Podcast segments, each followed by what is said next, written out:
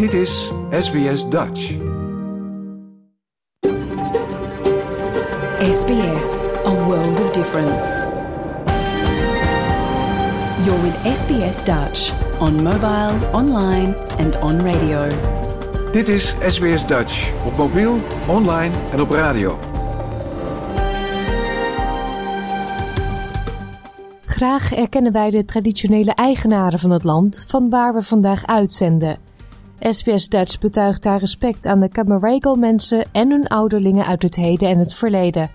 Ook erkennen we de traditionele eigenaren van alle Aboriginal en Torres Strait Islander landen van waar u vandaag naar ons programma luistert. Een hele goede morgen. Mijn naam is Paulien Roesink. Het is woensdag 28 december en u luistert naar SBS Dutch, het Nederlandstalige radioprogramma van SBS. Het nieuwe jaar komt snel dichterbij, maar gelukkig kunt u vandaag en zaterdag gewoon nog naar ons luisteren. In deze uitzending hoort u de kersttoespraak van koning Willem-Alexander. Ook is er nieuws over de verplichte citizenship-ceremonies op Australia Day. Leesconsulente Larissa de Ru geeft tips voor de perfecte kinderleesboeken voor tijdens de zomervakantie. En met Nicole Holte van foodblog The Dutch Table blikken we vooruit op Oudjaarsavond. Want dan mogen toch zeker de oliebollen niet ontbreken. Dat en muziek allemaal straks. Nu eerst het nieuws.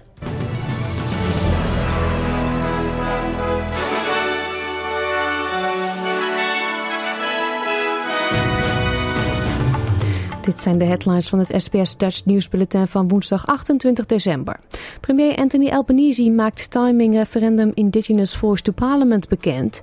China versoepelt na drie jaar covid-restricties. En acteur John Leddy overleden.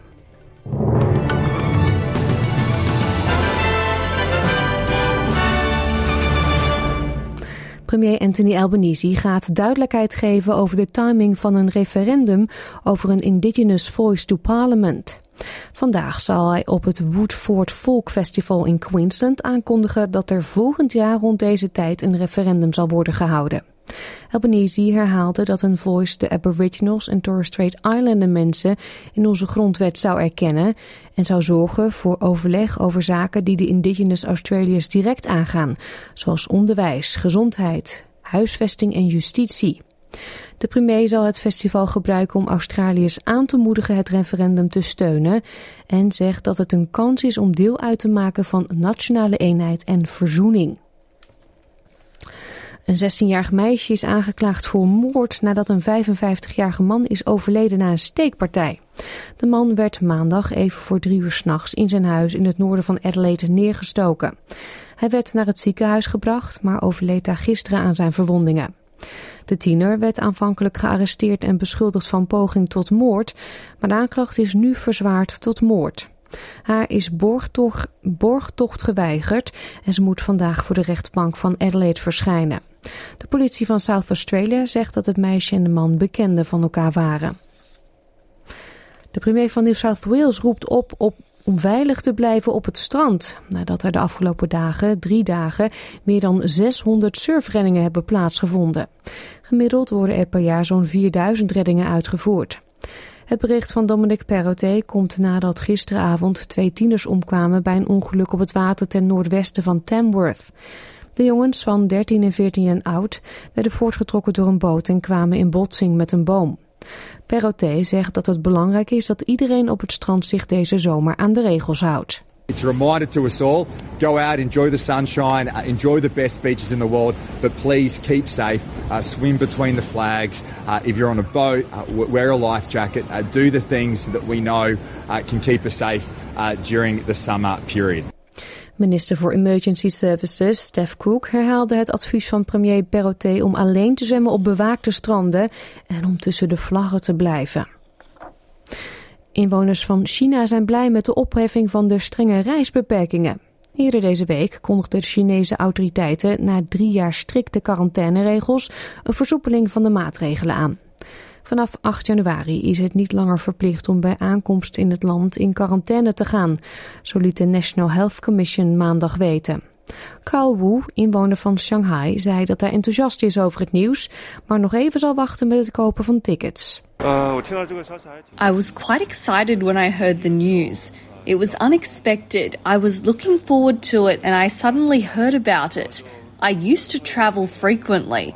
I'm an avid traveller and it's been three years since I last travelled, so I was very surprised and happy when I heard the news. But I haven't made any preparation nor did I hurry to book an air ticket. I want to wait and see how others will go about it first. Chinese toeristen zullen in sommige landen zelf nog steeds wel te maken krijgen met beperkingen, waaronder Japan en India. De landen hebben beide aangekondigd dat alle reizigers uit China bij aankomst een negatieve COVID-testuitslag moeten tonen. Rusland heeft een decreet ondertekend dat de levering van ruwe olie en olieproducten aan landen die zich aan het olieprijsplafond houden tijdelijk verbiedt. Het verbod gaat in op 1 februari en geldt voor vijf maanden. De G7, de Europese Unie en Australië bereikten eerder deze maand een akkoord om per 5 december een prijsplafond van 60 Amerikaanse dollar, zo'n 88 Australische dollar, per vat in te stellen voor Russische ruwe olie over zee. Dit, dit als reactie op de Russische oorlog in Oekraïne. Acteur John Leddy is op eerste kerstdag op 92-jarige leeftijd overleden. Hij stierf na een kort ziekbed in het ziekenhuis in Den Bosch. In de jaren 80 werd hij bij een groot publiek bekend als Koos Dobbelsteen uit de tv-serie Zeg eens A. Zeg eens A, zeg eens A. Ik heb pukkels op mijn armen, vreemde krampen in mijn darmen en een kriebel in mijn keel. Zeg eens A, zeg eens A. Hij was de handige klusjesman die was getrouwd met huishoudster Mien, een rol die gespeeld werd door Carrie Tefse. De acteur was eerder te zien in De Kleine Waarheid met Willeke Alberti en hij speelde in Sil de Strandjutter. John Leddy studeerde in 1956 af aan de Amsterdamse toneelschool en speelde bij verschillende theatergezelschappen. Ook speelde hij in de verfilming van De Moeder van David S. en Jan Rap en zijn maat. De laatste jaren was hij in verschillende series en films te zien, vooral met kleinere rollen, onder meer een baantje, Russen en de miniserie Bij ons in de Jordaan over het leven van Johnny Jordaan. In 2012 was hij te zien in Krasse Knarren bij Omroep Max. Sport dan. De Endo Comanche is, de, is als eerste over de finish gekomen tijdens de race van Sydney naar Hobart. Schipper John Winning Jr. vierde samen met zijn 24-koppige bemanning de behaalde overwinning. It took on a lot of lot of water at times, but nothing nothing too out of the ordinary. We hit a log at one point. It's all about line honours. So for us, we won what we were going for and what we set out to achieve, which was the line honours, and that means a hell of a lot. Het 30 meter lange jacht kwam vannacht kort voor 1 uur Australian Eastern Daylight Time over de finish op de rivier de Derwent in een tijd van 1 dag, 11 uur, 56 minuten en 48 seconden. De Law Connect eindigde op 27 minuten achterstand als tweede. Blackjack, de winnaar van vorig jaar, werd derde, terwijl negenvoudig winnaar Hamilton Island Wild Oats op de vierde plaats eindigde. De wisselkoers dan. Voor 1 Australische dollar krijgt u 63 eurocent en 1 euro is op dit moment 1,58 dollar waard.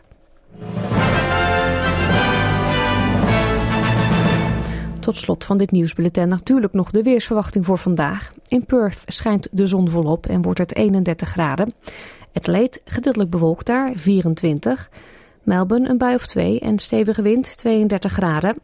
Ook in Hobart waait die wind en is het gedeeltelijk bewolkt met een maximumtemperatuur van 29 graden. In Canberra is het zonnig, 32. De dag startte met bewolking in Wollongong, maar daar nu opklaringen, 28. Vergelijkbaar weer in Sydney en ook daar 28 graden. Newcastle overwegend zonnig, 29. Brisbane kans op een bui, 28. Cairns een paar buien, 31. En in Darwin buien mogelijk met onweer en daar wordt het 31 graden. Dit was het SBS Dutch Nieuws.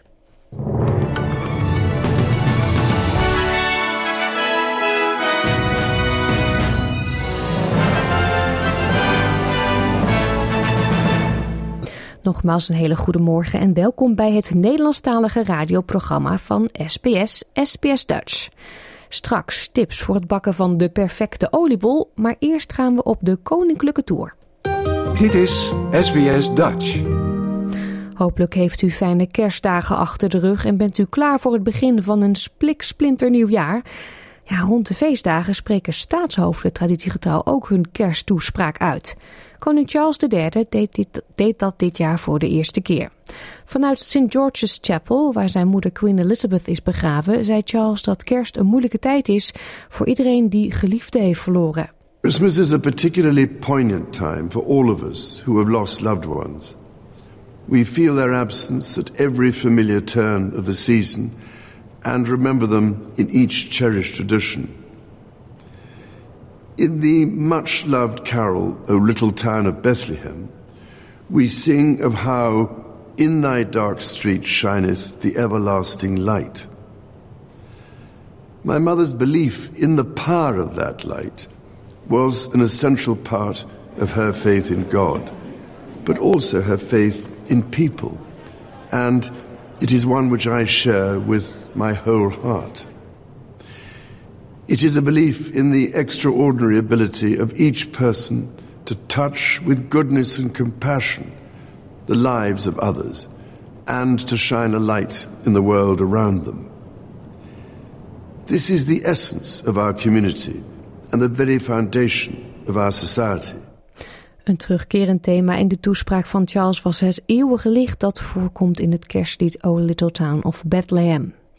Koning Willem-Alexander legde in zijn toespraak de nadruk op de schaduw van zorgen over dit kerstfeest, als gevolg van geldzorgen, klimaatverandering en de oorlog in Oekraïne. Hij benadrukte ook de noodzaak om in gesprek te blijven met mensen die anders denken. U kunt nu luisteren naar de gehele kersttoespraak van koning Willem-Alexander. Bij velen van u valt er een schaduw van zorgen over dit kerstfeest. Het is een heftige tijd, zeggen mensen tegen me. Is er genoeg geld om de rekeningen te betalen, nu alles zo duur geworden is? Waar vind ik eindelijk een geschikte woning of een studentenkamer? En hoe moet het met de toekomst van mijn bedrijf? Het is ook een confronterende tijd. Want dwingt de klimaatverandering ons niet tot drastische keuzes? En lopen we in ons land met zijn beperkte ruimte en botsende belangen niet tegen grenzen op? We voelen op onze klompen aan dat we moeilijke beslissingen niet meer vooruit kunnen schuiven. Labmiddelen en noodverbanden helpen niet meer. Het moet anders. Dat confronteert ons met de vraag waar we naartoe willen. Wat voor samenleving willen we eigenlijk? En hoe houden we vast aan onze waarden? Vrijheid, gelijkwaardigheid, sociale rechtvaardigheid. Op weg naar een nieuw evenwicht. Heel ingewikkeld. Ik snap de onzekerheid die op veel plekken voelbaar is de stress en ook de boosheid. Het kan dan even opluchten om stoom af te blazen. Maar we moeten niet blijven steken in het zoeken naar zondebokken en in cynische kritiek of onverschilligheid. Democratie betekent niet dat degenen die het hardst roepen hun zin krijgen. Democratie is met respect voor ieders grondrechten samenwerken aan oplossingen waarin de meerderheid zich kan herkennen. Daarbij gaat het om een zorgvuldige afweging van alle belangen. Dat laatste is essentieel, bijvoorbeeld in de relatie tussen platteland en stad. Het is hoog tijd om de verbinding te versterken. Want wat zou de randstad zijn zonder de regio? En de regio zonder de randstad? We hebben elkaar brood nodig. Laten we proberen, waar we ook wonen, om te ontsnappen aan vooroordelen. Laten we ervoor zorgen dat we elkaar niet verliezen. Gun elkaar tenminste het voordeel van de twijfel. Mijn oproep aan ieder van u en ieder van jullie is: haak aan, luister mee, denk mee, doe mee. Soms kan het helpen om de blik naar buiten te richten en ons op te trekken aan het voorbeeld van anderen. Zoals het Oekraïense volk dat nu al tien maanden stand houdt tegen het brute geweld van Rusland. Met ongelooflijke moed en eensgezindheid. De belofte van het kerstfeest, de hoop op vrede, leeft in alle Oekraïnse harten en in die van ons. Ook de wijsheid van ouderen kan inspiratie bieden. Ik moet denken aan Dankbaarheid, een klein boekje van neuroloog Oliver Sacks, geschreven aan het eind van zijn leven. Het maakte hem gelukkig om overal jonge, getalenteerde mensen om zich heen te zien. De toekomst is in goede handen, schrijft hij. De toekomst is in goede handen. Ik zeg het hem graag na. Ik ontmoet ze overal. Jonge mensen met idealen en verbeeldingskracht. Zij voelen zich mede verantwoordelijk en zijn bereid de toekomst op hun schouders te nemen. Er zit zoveel veerkracht in de jonge generatie. Maar jonge mensen kunnen het niet alleen. Terecht zeggen ze: schuif het niet allemaal op ons af. Luister naar ons, geef ons de ruimte, vertrouw ons, help ons, maar neem zelf verantwoordelijkheid en maak die ook waar. We beseffen het niet altijd, maar we zijn tot veel meer in staat dan we zelf denken. Ik ben ervan overtuigd dat we ook heel ingewikkelde problemen tot een goed einde kunnen brengen en pijnlijke wonden kunnen helen, zodat we samen verder kunnen. Ook als er heftige emoties in het spel zijn. Een belangrijk voorbeeld daarvan is de erkenning van het leed dat mensen is aangedaan in de koloniale tijd. Het afgelopen jaar hebben mijn vrouw en ik met mensen van alle leeftijden over dit onderwerp gesproken. Onder wie nazaten van mensen die een aantal generaties terug leefden in slavernij. In het komende herdenkingsjaar zal dit onze aandacht houden. We blijven betrokken. Voor wat er toen aan onmenselijks is aangericht in de levens van mannen, vrouwen en kinderen, draagt nu niemand de schuld. Maar door ons gezamenlijke verleden eerlijk onder ogen te zien en de misdaad tegen de menselijkheid, die de slavernij was, te erkennen, leggen we wel een fundament onder een gezamenlijke toekomst. Een toekomst waar we ons te weerstellen tegen alle hedendaagse vormen van discriminatie, uitbuiting en onrecht. De door de regering aangeboden excuses zijn het begin van een lange weg. Laten elkaar blijven vasthouden, ook in heftige tijden, met sterke emoties. Marieke Lucas Reineveld schreef een eigen gedicht toen hij, na ontstane ophef, afzag van de vertaling van The Hill We Climb. Het heet Alles bewoonbaar. Een combinatie van inlevingsvermogen, hoop en geloof in onze toekomst samen. Dit zijn de laatste regels. Jij wil juist verbroedering. Je wil één vuist. En wellicht is je hand nu nog niet krachtig genoeg. Of moet je eerst die van de ander vastpakken om te verzoenen? Moet je daadwerkelijk de hoop voelen dat je iets doet wat de wereld zal verbeteren? Al moet je dit niet vergeten. Kom na het knielen weer overeind en recht samen de rug. Ik wens u allen, waar u zich ook bevindt en hoe uw persoonlijke omstandigheden ook zijn, een gezegend kerstfeest. De toespraak is afkomstig van het YouTube-kanaal van het Koninklijk Huis. En wilt u die toespraak van koning Willem-Alexander bekijken of nalezen? Ga dan naar onze eigen website www.sbs.com.au Dutch. Iets heel anders dan. Gemeenten worden niet langer gedwongen om citizenship-ceremonies te houden op Australia Day. Federal Labour heeft een besluit van de voormalige coalitieregering daarover geschrapt. Sommige gemeenten in Melbourne hadden besloten om de ceremonies niet langer op Australia Day te houden, uit respect voor de indigenous communities. Met de veranderingen wordt het voor gemeenten mogelijk om de ceremonies in de zes dagen rond 26 januari te houden. Toch verwacht, de, toch verwacht de regering nog steeds dat ze op de feestdag zelf zullen worden gehouden. Jouw gemeenschap, jouw gesprek, SBS Dutch. Australia Day is een belangrijke dag om nieuwe burgers te verwelkomen. Maar gemeenten krijgen nu meer flexibiliteit om die ceremonies in te plannen. U hoort minister van Immigratie Andrew Giles. What we've done is we've stopped the barriers, the red tape that prevented citizens in some councils in Melbourne from being able to become Australian citizens in their own communities with friends and family. Dankzij de nieuwe regels kunnen citizenship-ceremonies worden gehouden op de drie dagen voor en na 26 januari. Dus op elk moment tussen 23 en 29 januari. Het besluit maakt de Code Governing Citizenship Ceremonies, die in 2017 door de voormalige coalitieregering werd ingevoerd en waardoor gemeenten verplicht waren om die ceremonies te houden op Australia Day, ongedaan. Toenmalig premier Scott Morrison verdedigde die beslissing in 2019. You know, I'm a prime minister that's for standards. And I'm putting standards on councils if they want to run citizenship ceremonies. The, the, national government, the Australian government, is responsible for citizenship ceremonies. These are the rules. If you want to apply by them, fine. We'd love to have you involved. If you don't want to, well, we can get someone else to do it. Not a problem. De vorige regering had de regels ingevoerd nadat enkele gemeenten in Melbourne hadden besloten de ceremonies niet langer op die datum te willen houden.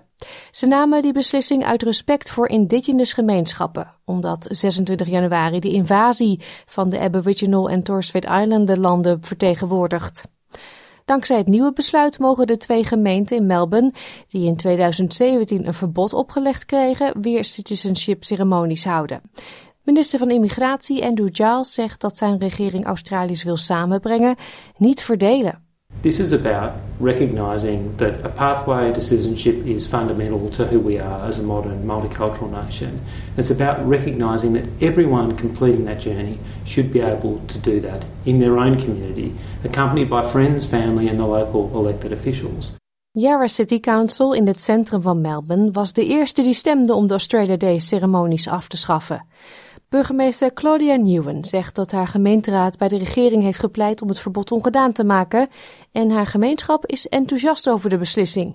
The federal government here recognises that there are communities who are uncomfortable with um, previously holding it on January 26th, and this is a step forward. We're working together to still acknowledge um, the rest of the community who are really excited to celebrate their citizenship ceremony within the city of Yarra. De nabijgelegen gemeente Marybeck stemde eerder deze maand om Yarra's voorbeeld te volgen en werd naast Darabin de derde gemeente binnen Melbourne. Burgemeester Angelica Ponopoulos zegt dat de nieuwe regels gemeenten in staat zullen stellen te kiezen wanneer ze citizenship ceremonies willen houden. Becoming a citizen doesn't need to happen on Australia Day um, on January 26th, and we're doing we're having those um, ceremonies throughout the year. So the point though is that citizenship ceremonies are supposed to be a joyous event. It's a big, big milestone in somebody's life, and it's a celebration of how far people have come and choosing to make Australia home. To do that on a day that symbolizes so much hurt and destruction for First Nations people, it's it's just not appropriate to do that. De federale regering houdt vol dat ze nog steeds de voorkeur geeft aan de citizenship-ceremonies op 26 januari. Premier Anthony Albanese zegt dan ook dat dat is wat hij aankomend Australia Day gaat doen. The rules, the way that they were uh, fashioned, meant that uh, citizens who are not part of the decisions of when ceremonies would be uh, were missing out on becoming Australian citizens. We want people to become Australian citizens, and that is why we should uh, not place uh, red tape for ideological reasons uh, in, uh, in front of uh, that opportunity. Maar de oppositie waarschuwt dat het deel kan uitmaken van een veel bredere verschuiving. U hoort de immigratiewoordvoerder van de coalitie, Dan Tien. Well, they've given in to these Green Left councils on the holding of citizenship ceremonies. And so now we know that what's going to happen next is that these councils won't just stop there. And if the Albanese Labor government have given in on this, uh, then it shows they're prepared to give in on other things. And my worry and my deep concern is this is the thin end of the wedge, and we're going to see the Albanese Labor government down the track break its promise to the Australian people and seek to start to move Australia Day. Maar premier Anthony Albanese weigert dat. I support Australia Day. The government supports Australia Day. There are no changes here. Uh, what shouldn't happen, though, is that someone uh, who is uh, you know, John Smith, uh, new, uh, new migrant uh, from the United Kingdom, is denied the opportunity to become an Australian citizen because of a decision made by a local council. Uh, that, quite frankly, is unfair on individuals, and it was punishing individuals uh, and nothing, nothing less than that. De regering zegt dat er voor het eerst in vijf jaar minder dan 100.000 aanvragen voor het staatsburgerschap zijn ingediend. Een verslag van Finn McHugh en Claire Slattery, vertaald door SBS Dutch. En dan is het nu tijd voor ons maandelijks kinderboekmomentje. In onze serie De Boekenhut bespreekt leesconsulente Larissa de Ru dit keer kinderboeken die zeer geschikt zijn voor de zomervakantie. Raak die steen niet aan is een boek waar de hele familie aan mee kan doen en het spannende Het Verlangen van de Prins is ook te vinden bij de online bibliotheek. Dit is SBS Radio Dutch. Zomervakantie is hier begonnen, Larissa, dus extra veel tijd om te lezen, lijkt mij. Ja, dat uh, denk ik ook. Lijkt me een heel mooi voornemen, zo lekker in het zonnetje, terwijl wij hier zitten te bibberen. Wel een mooi moment om dan lekker in een hoekje weg te kruipen met een dekentje en een boek. Ja, absoluut. En voor jullie aan die kant dan gewoon uh, lekker uh, in de tuin, op het strand. Wat kunnen we allemaal het bedenken? Strand, ja. Heerlijke vakantie. Lekker luieren. Ja, tijd, tijd om lekker samen uh, met een boek of een verhaal bezig te zijn, uh, dacht ik. Uh, want iedereen heeft gewoon wat meer tijd als je vakantie hebt. Zo simpel is het toch? Mm. Dus met dat in mijn achterhoofd dacht ik, ja, wat kunnen we daar mooi bij aan laten sluiten? Um, en daarom heb ik eerst gekozen om het een beetje in het algemeen te hebben over uh, toneel- en theaterleesboeken. Um, had jij er wel eens van gehoord? Nou, ik weet dat mijn kinderen vanuit school uh, home readers heette dat. Hè? Elke week krijgen ze drie boeken mee die ze moeten lezen. Uh, het zijn geen hele dikke, maar aangepast op hun eigen niveau. En daar zitten soms van die boekjes bij met rollen, inderdaad. Dat Ja. is denk ik wat jullie bedoelt. Ja, dat klopt inderdaad. Het zijn eh, boeken met daarin een eh, verhaal. En dat verhaal is eh, verteld met tekst, verdeeld over de, inderdaad de verschillende rollen. En het is eigenlijk een mooie manier om ja, ook te oefenen met voorlezen en lezen. Het is een hele ja, spannende en creatieve manier, omdat het kinderen ook echt gewoon eigenaarschap geeft om iets te doen. En ja, als je het moet voorlezen alsof je het op het toneel staat te doen, moet je natuurlijk ook echt wel een zekere uh, begrip hebben om dat dan op een goede manier voor te lezen. En voor hun voelt het dan heel erg van, oh, ik ben gewoon aan het oefenen voor een toneelstuk. Maar stiekem zijn ze dus gewoon heel erg aan het oefenen met die begrip en uh, ja, voorlezen. En dan denk je misschien, hé, hey, waarom noem ik nou theater en toneel lezen? Ik zal heel eerlijk zijn, ik heb het zelf ook nog weer even een beetje moeten opzoeken. Want het wordt in Nederland gewoon best wel veel door elkaar heen gebruikt. Theater lezen, toneel lezen. Nou ja, ze zijn dus beide gericht op dat samen hardop lezen. Alleen het verschil, en daar komt ie. En bij toneellezen heb je dus in het boek een doorlopend verhaal. Dat gaat gewoon het hele boek door, waarin dan ook in de verschillende hoofdstukken verschillende karakters uh, naar boven komen. En theaterleesboeken zijn dus vaak verdeeld in korte verhalen. En dan heb je ook maar een paar voorlezenrollen. Ja, ja. Dat wist dus daar niet. zit het in. En misschien denken sommige mensen nu, nou, maar mijn kind houdt helemaal niet van uh, toneelstukjes doen. Daar is hij misschien veel te verlegen voor. Het kan natuurlijk ook gewoon lekker zittend op de bank met aan elkaar voorlezen. Het hoeft niet meteen een, uh, een toneelstuk voor de hele buurt te worden. Nee, maar dat inderdaad um, dat samen en dat opgaan in die rol, verschillende stemmetjes doen, dat ja, ja. uit ervaring, hier vinden ze het leuk. Ja, en het maakt het ook vaak gewoon heel grappig en luchtig. Omdat je soms ook wel eens hele grappige vergissingen maakt met die stemmetjes. Dus uh, ja, ik denk gewoon plezier verzekerd. Nou, als je gaat kijken naar die theaterleesboeken. En je hebt wel kinderen die denken, nou vind ik wel te gek een heel toneelstuk maken. Een van de belangrijkste uitgevers hier in Nederland van theaterleesboeken is uitgeverij Inktvis. En op hun website uh, vind je van alle boeken die ze hebben uitgegeven um, één of twee proefhoofdstukken uh, ter inzage. Um, dus ik dacht dat is ook wel fijn voor, uh, voor de luisteraars. Dan kunnen ze gewoon eerst even kijken van hé, hey, ligt ons dat? Maar op die website vind je ook een heleboel materiaal om ja, posters. ze hebben bijvoorbeeld ook een boek dat gaat meer over moppen. Dus kun je je eigen moppenfestival aanraden of aankondigen en een sprookjestheater. Dus dan kun je daar gebruik van maken. Dus dat is wel lachen als je dat dan uh, wat extra wil doen. Ja, de link volgt aan het einde, mensen. Absoluut, ja. en dan, ja, in Nederland is een van de grootste uitgevers van de toneelleesboeken is de uitgeverij Zwijzen. En um, bij hun boeken werkt het zo dat het begint eigenlijk elk boek met, ja, op de eerste pagina worden alle karakters die in het boek voorkomen, worden uitgelegd. Het zijn vaak ook hele leuke uh, tekeningetjes, zodat je alvast weet, um, ja, wie erin voorkomen. En elk boek begint ook weer opnieuw met een korte uitleg van, hey, hoe moet ik nou eigenlijk omgaan met dit boek? Hoe verdeel je het? Het is eigenlijk een handig spiekbriefje voor ouders van, oh ja, wat is eigenlijk ook de bedoeling?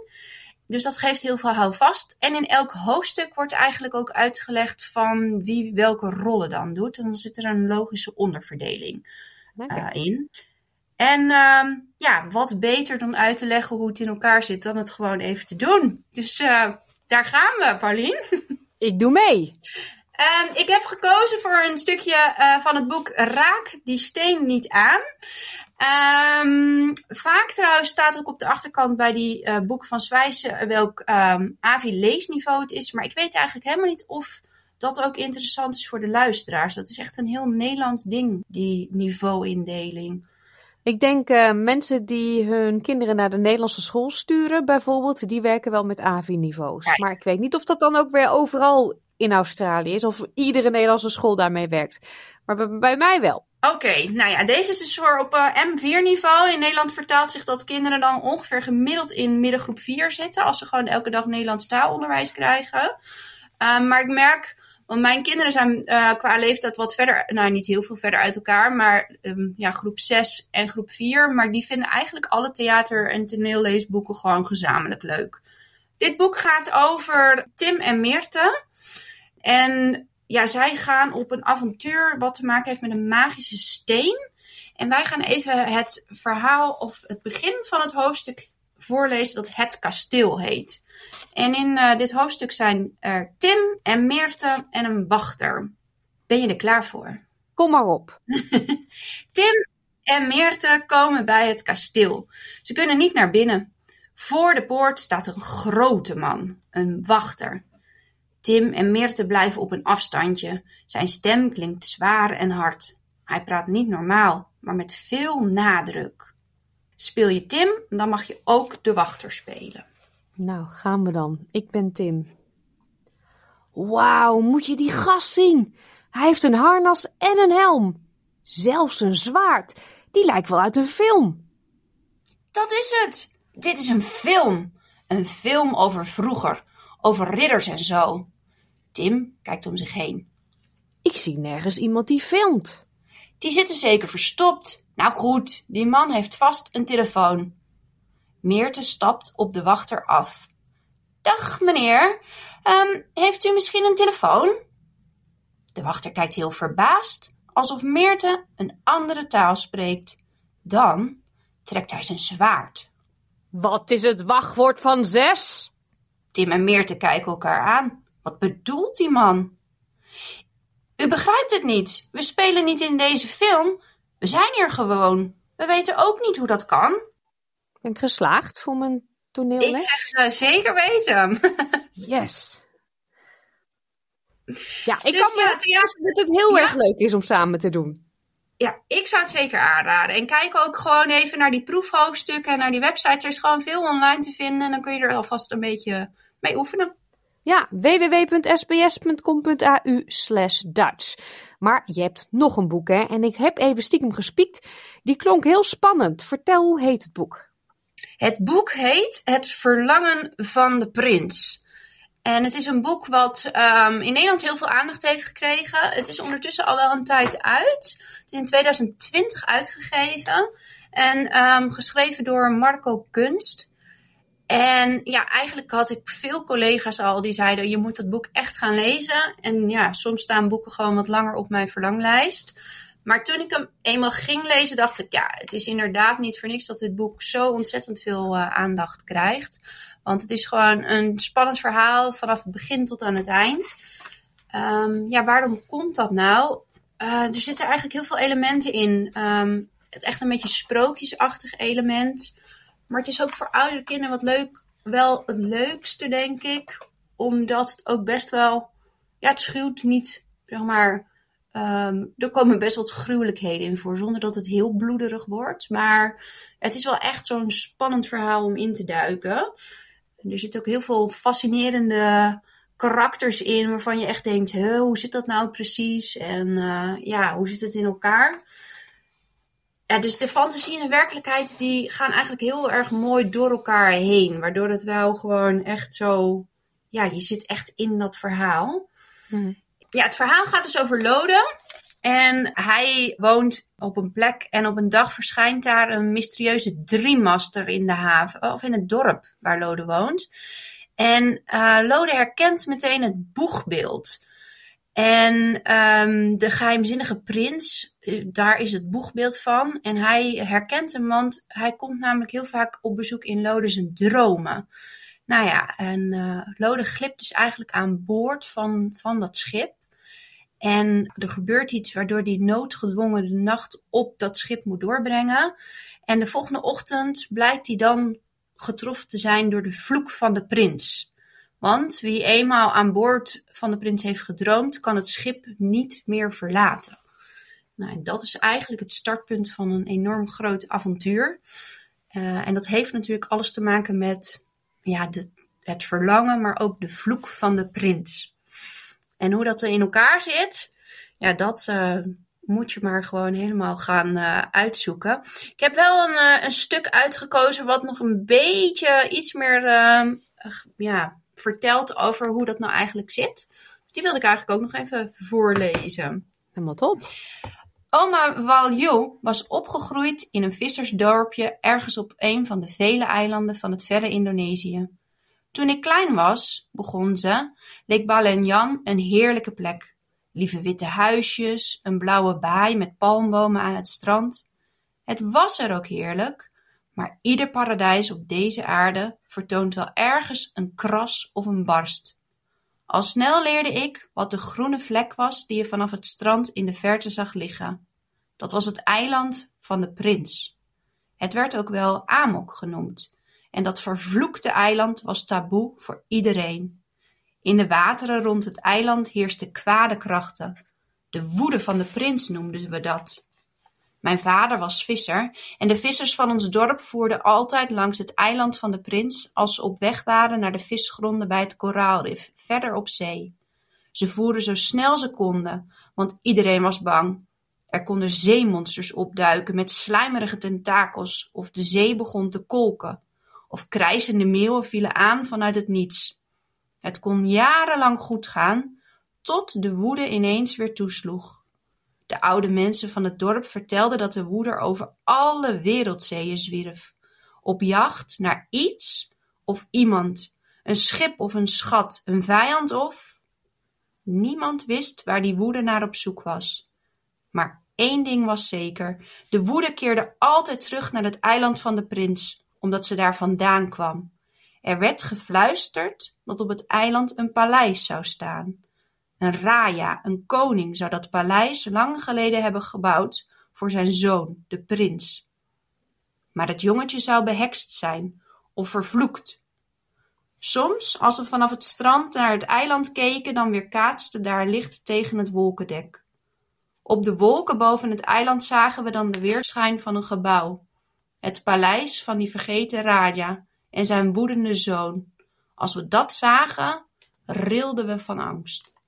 Ja, dat klinkt erg spannend. Leeftijd is denk ik wat ouder, hè? Jazeker, het is ongeveer vanaf tien jaar. Ik denk dat voorlezen wel vanaf een jaar of acht zou kunnen. Uh, maar dan wel met een inschatting of je kind inderdaad uh, wel houdt van een beetje spanning. Of dat het dan uh, minder goed slaapt in de nacht. ja, dat willen we niet natuurlijk. Ja, en ik had ook even speciaal gekeken van tevoren. Hij is online ook beschikbaar als een uh, luisterboek en als uh, een e-book. Dus als je dat een betere oplossing vindt, dan kan je kind er ook gewoon naar luisteren via een device, uh, via de online bibliotheek. Ja, als ze bijvoorbeeld nog familie hebben in Nederland, kunnen ze vaak via die familie de leden een abonnement afsluiten bij de online bibliotheek. Ja. Maar dan moet je wel een postadres en zo hebben. Maar dat is altijd de, de moeite waard om te checken. Want je kan je tablet natuurlijk overal mee meenemen. In plaats van een hele stapel boeken. Dus um, voor de zomervakantie extra handig, denk ik. Ja, zeker. En er is, ja, er is echt ontzettend veel keuze. Ook natuurlijk uh, gewoon voor volwassen boeken. Um, en wel even een tip om inderdaad van tevoren uh, je boeken te downloaden en op je bo het digitale boekenplank te zetten. Want dat kan af en toe nog wel even een tijdje in beslag nemen. Weet ik uit eigen ervaring. ja. Nou, dankjewel Larissa. Dit was de laatste voor 2022. Maar ja. volgend jaar ben je gewoon weer uh, van de partij, toch? We gaan gewoon 2023 in. Hartstikke gezellig. Ja, niet alleen deze, maar alle boekentips van Larissa zijn te beluisteren op onze website www.sbs.com.au/dutch. Vorige week spraken we met Nicole Holten van de Dutch Table over Nederlandse tradities met het kerstdiner. En ook vandaag weer een gesprek met de foodblogger, want ook tijdens Oud en Nieuw zijn er echte oer-Hollandse tradities als het om eten gaat. En Oudejaarsavond is natuurlijk al over drie dagen. Dus bespreken we uiteraard oliebollen en heeft Nicole een recept waarmee u zelf aan het beslag kunt. SBS Dutch, woensdag en zaterdag om 11 uur 's ochtends of online op elk gewenst tijdstip.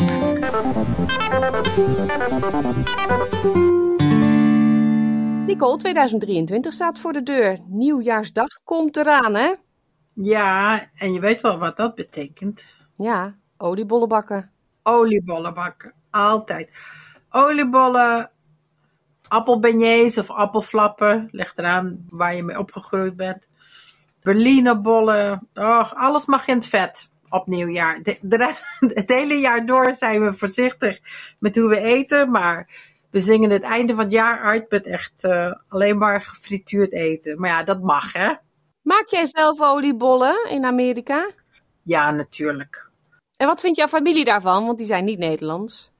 Die zijn niet Nederlands, maar oliebollen zien ze erg zitten.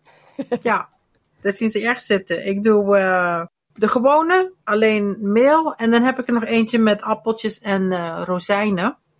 En dan gaat er een heel klein scheutje rum doorheen. Oh, en die ja. zijn ook erg populair. Maar het is uh, echt super gemakkelijk te maken. Ik hoor altijd dat mensen zeggen van nou, ik heb mijn pak oliebollenmix klaar. En dan, dan denk ik altijd van ja, maar het enige wat erin zit is meel.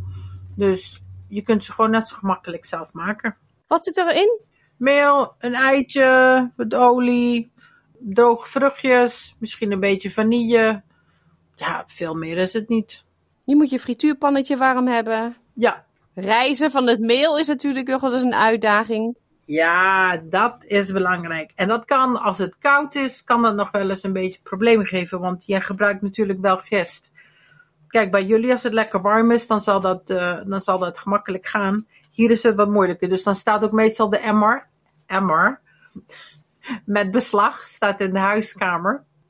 Met een theedoek eroverheen, zodat het goed kan reizen. Dat is inderdaad belangrijk. Als het niet goed gerezen is, dan krijg je van die hele harde knikkers. Nou, dat is geen goede manier om het jaar uit te vieren. Nee. En hoe maak je dan de bolletjes? Gebruik je daar een ijsschep voor of uh, gewoon twee lepels? Het ligt eraan wat ik, uh, waar ik het eerste naar grijp. Uh, ik heb zo'n ijsstang.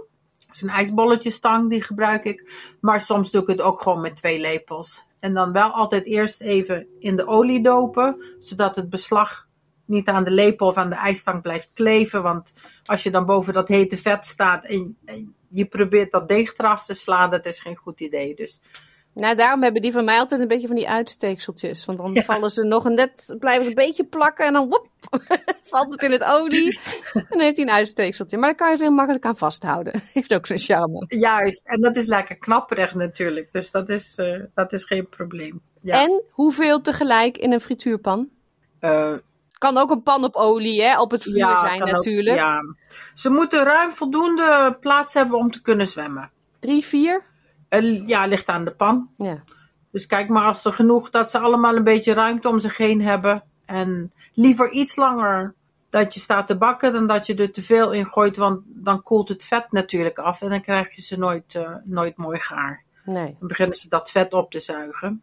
En dat wil je juist niet hebben. Nee, dan heb je van die sponsen die je kan uitknijpen. Ja, ja dat is niet lekker, inderdaad. Dat valt zwaar op de maag. Ja, uh, appelflappen, ook een dingetje natuurlijk. Hoe maak je die? Nou, ligt eraan wat je bedoelt met appelflappen. Ik heb dus, dat is altijd een discussie op de website ieder jaar. Um, appelflappen en appelbeignets. Ah. Dus. Ik bedoel niet de appelflappel appel... met, uh, met een deeg en daar zie je appel en een beetje suiker. Dat bedoel ik niet. Ik bedoel die, die gewoon je appeltje in schijfjes. Ja. Die haal je door wat. Uh, maar dat noem ik toch een appelflap, sorry. Dus de appelbeignet, appelflap. Ja. Dat zijn dus, um, pak een stevige, een iets wat zure appel. Schijfjes, pour dan het klokhuis eruit, zodat je een mooi gaatje in het midden hebt. Even droogdeppen, een beetje kaneel eroverheen. En dan haal je ze door het beslag en dan vis je ze eruit met de steel van een potlepel. even aftikken tegen de komst, dat het overtollige beslag afgaat. En dan kun je ze zo aan die houten lepel zo in het hete vet laten glijden. Mhm. Dat is het makkelijkste. Je zei een zure, stevige appel. Ja. Is dan zo'n eh, zo'n hele groene, die ehm, Granny, is dat een eh, Granny Smith appel? Of heb je een naam, soort? Een Granny is een goede, Pink Ladies, eh, Fuji's. Maar kijk even dat het geen appel is die tot moes kookt. Want natuurlijk, als hij het heet, als hij het hete... eh, Dan vind je iets nieuws huis. Dan heb je de appelmoes beignet. De appel, ja. nou, wie weet. zijn. Laat me weten hoe het gaat. Het lijkt me dat dat zo'n dingetje wordt als een, eh als een eh kaassoufflé. Dat je dan heel erg je mond brandt. Ja, ja, maar misschien is het wel heel erg lekker, wie weet. Ja, een, een Nou. beetje een nieuwe draai eraan geven. Hè? Ik laat het me graag vertellen. Een ander ding die ik nooit eet met nieuwjaar, maar die jij wel noemde, zijn die donutachtige bollen. Ja, Berliner bollen. Die bedoel ik. Dus inderdaad gewoon gemaakt van donutdeeg. Maar dan gevuld met abrikozen of frambozenjam. En dan natuurlijk, als ze nog warm uit de olie komen, meteen door de suiker rollen. Zodat je zo'n mooi laagje, zo'n mooi suikerlaagje eromheen krijgt. Ja, die zijn heerlijk.